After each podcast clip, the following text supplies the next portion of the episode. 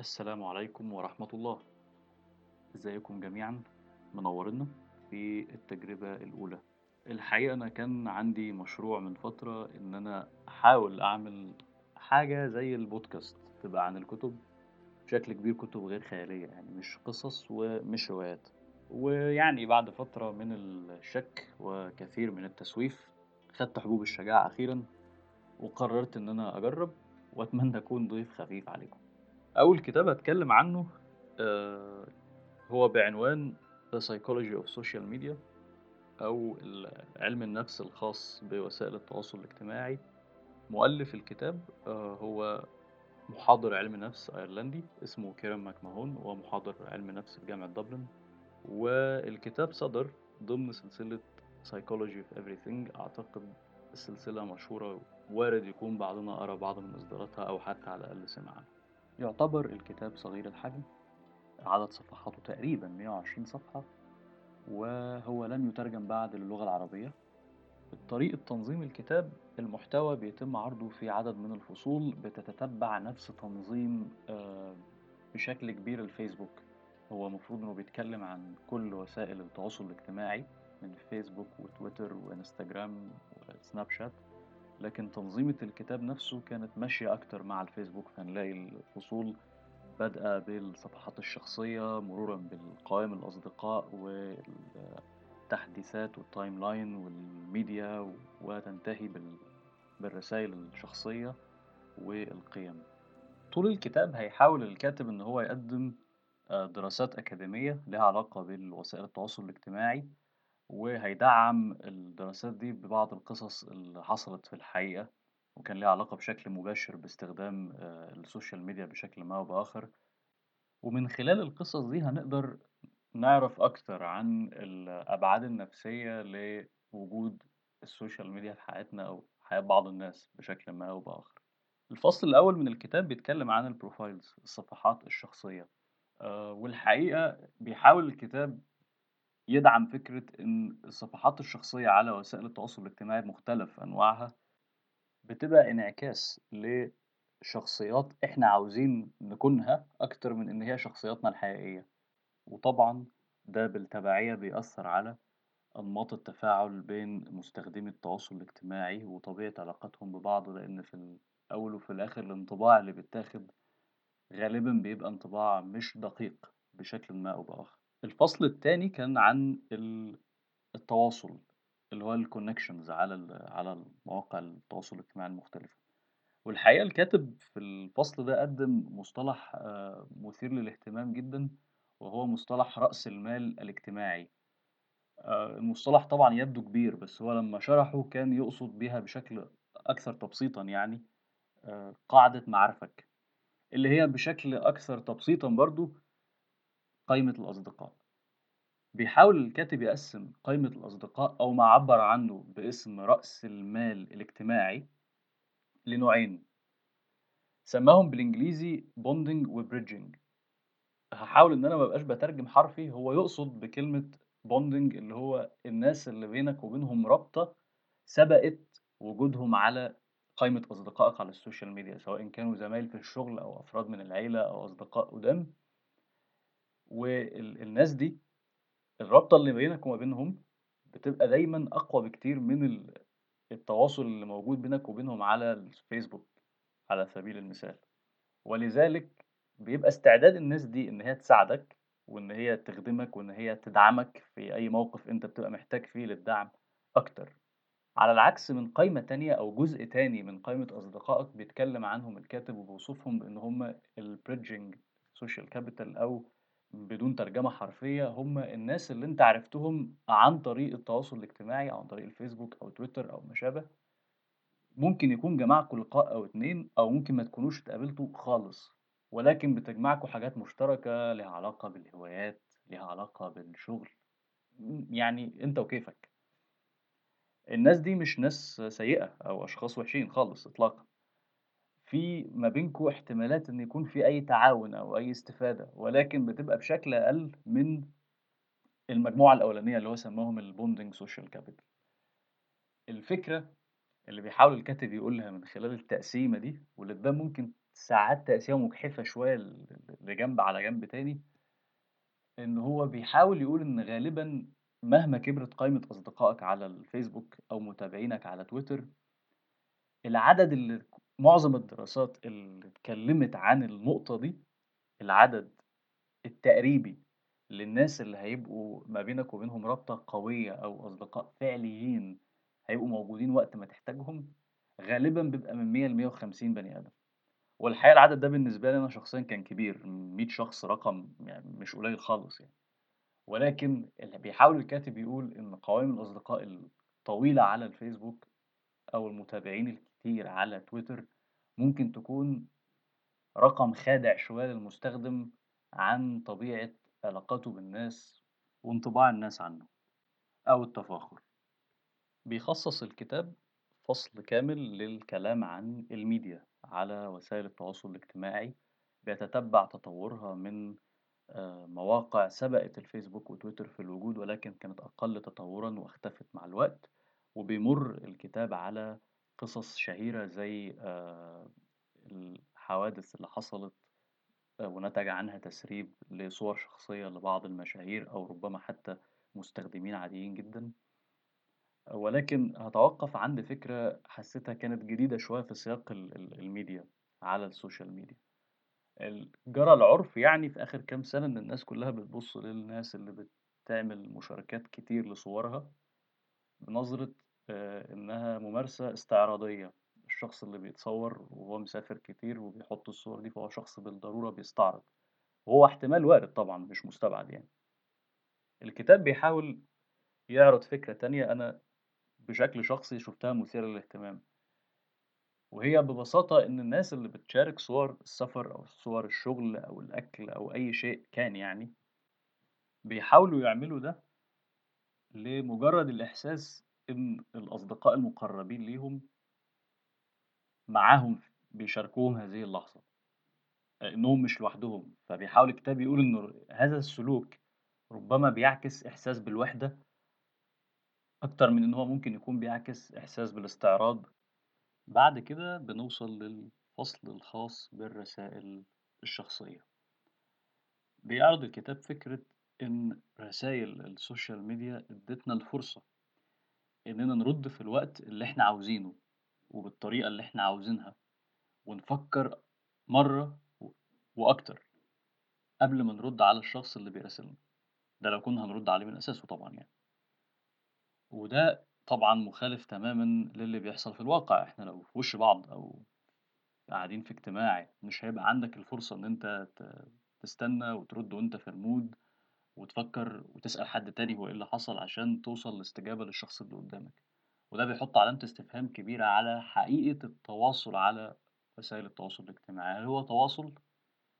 والّا تواصل زي ما استعمل الكاتب اللفظة دي في في الكتاب نفسه اللي هو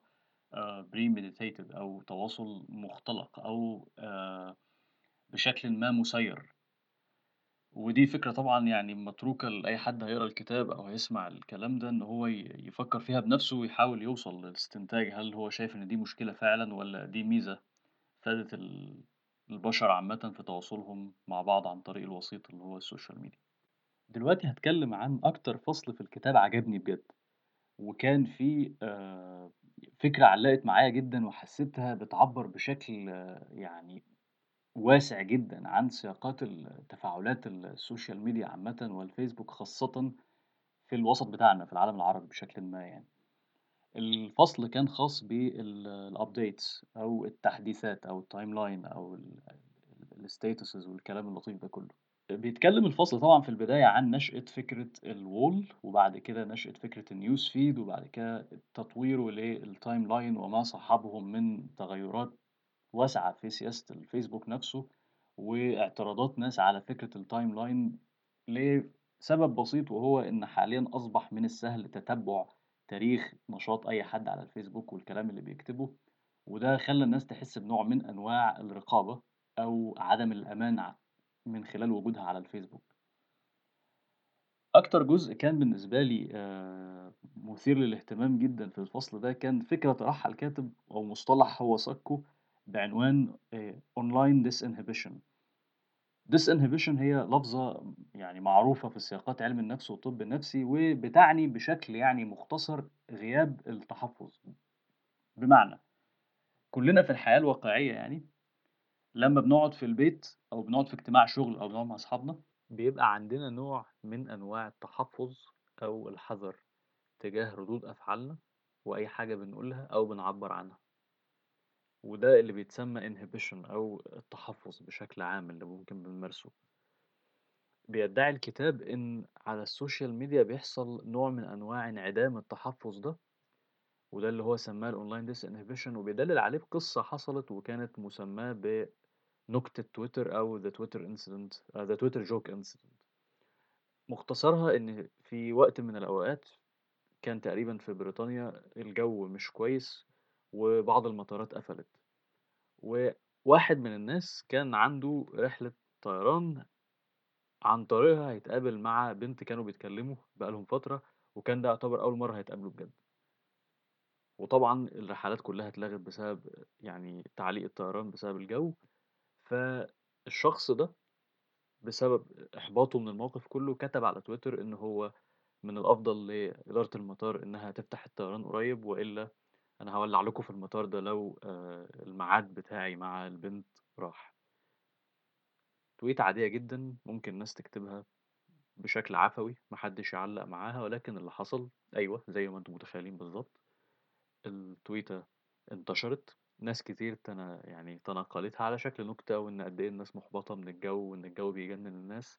ولكن أحد مستقبلي التويتة كان أو كانوا بمعنى أصح السلطات المعنية، وتعاملوا مع التويتة على إنها تهديد إرهابي، وتم استدعاء الشخص ده ومثله للتحقيق وبقت قضية واتحكم عليه،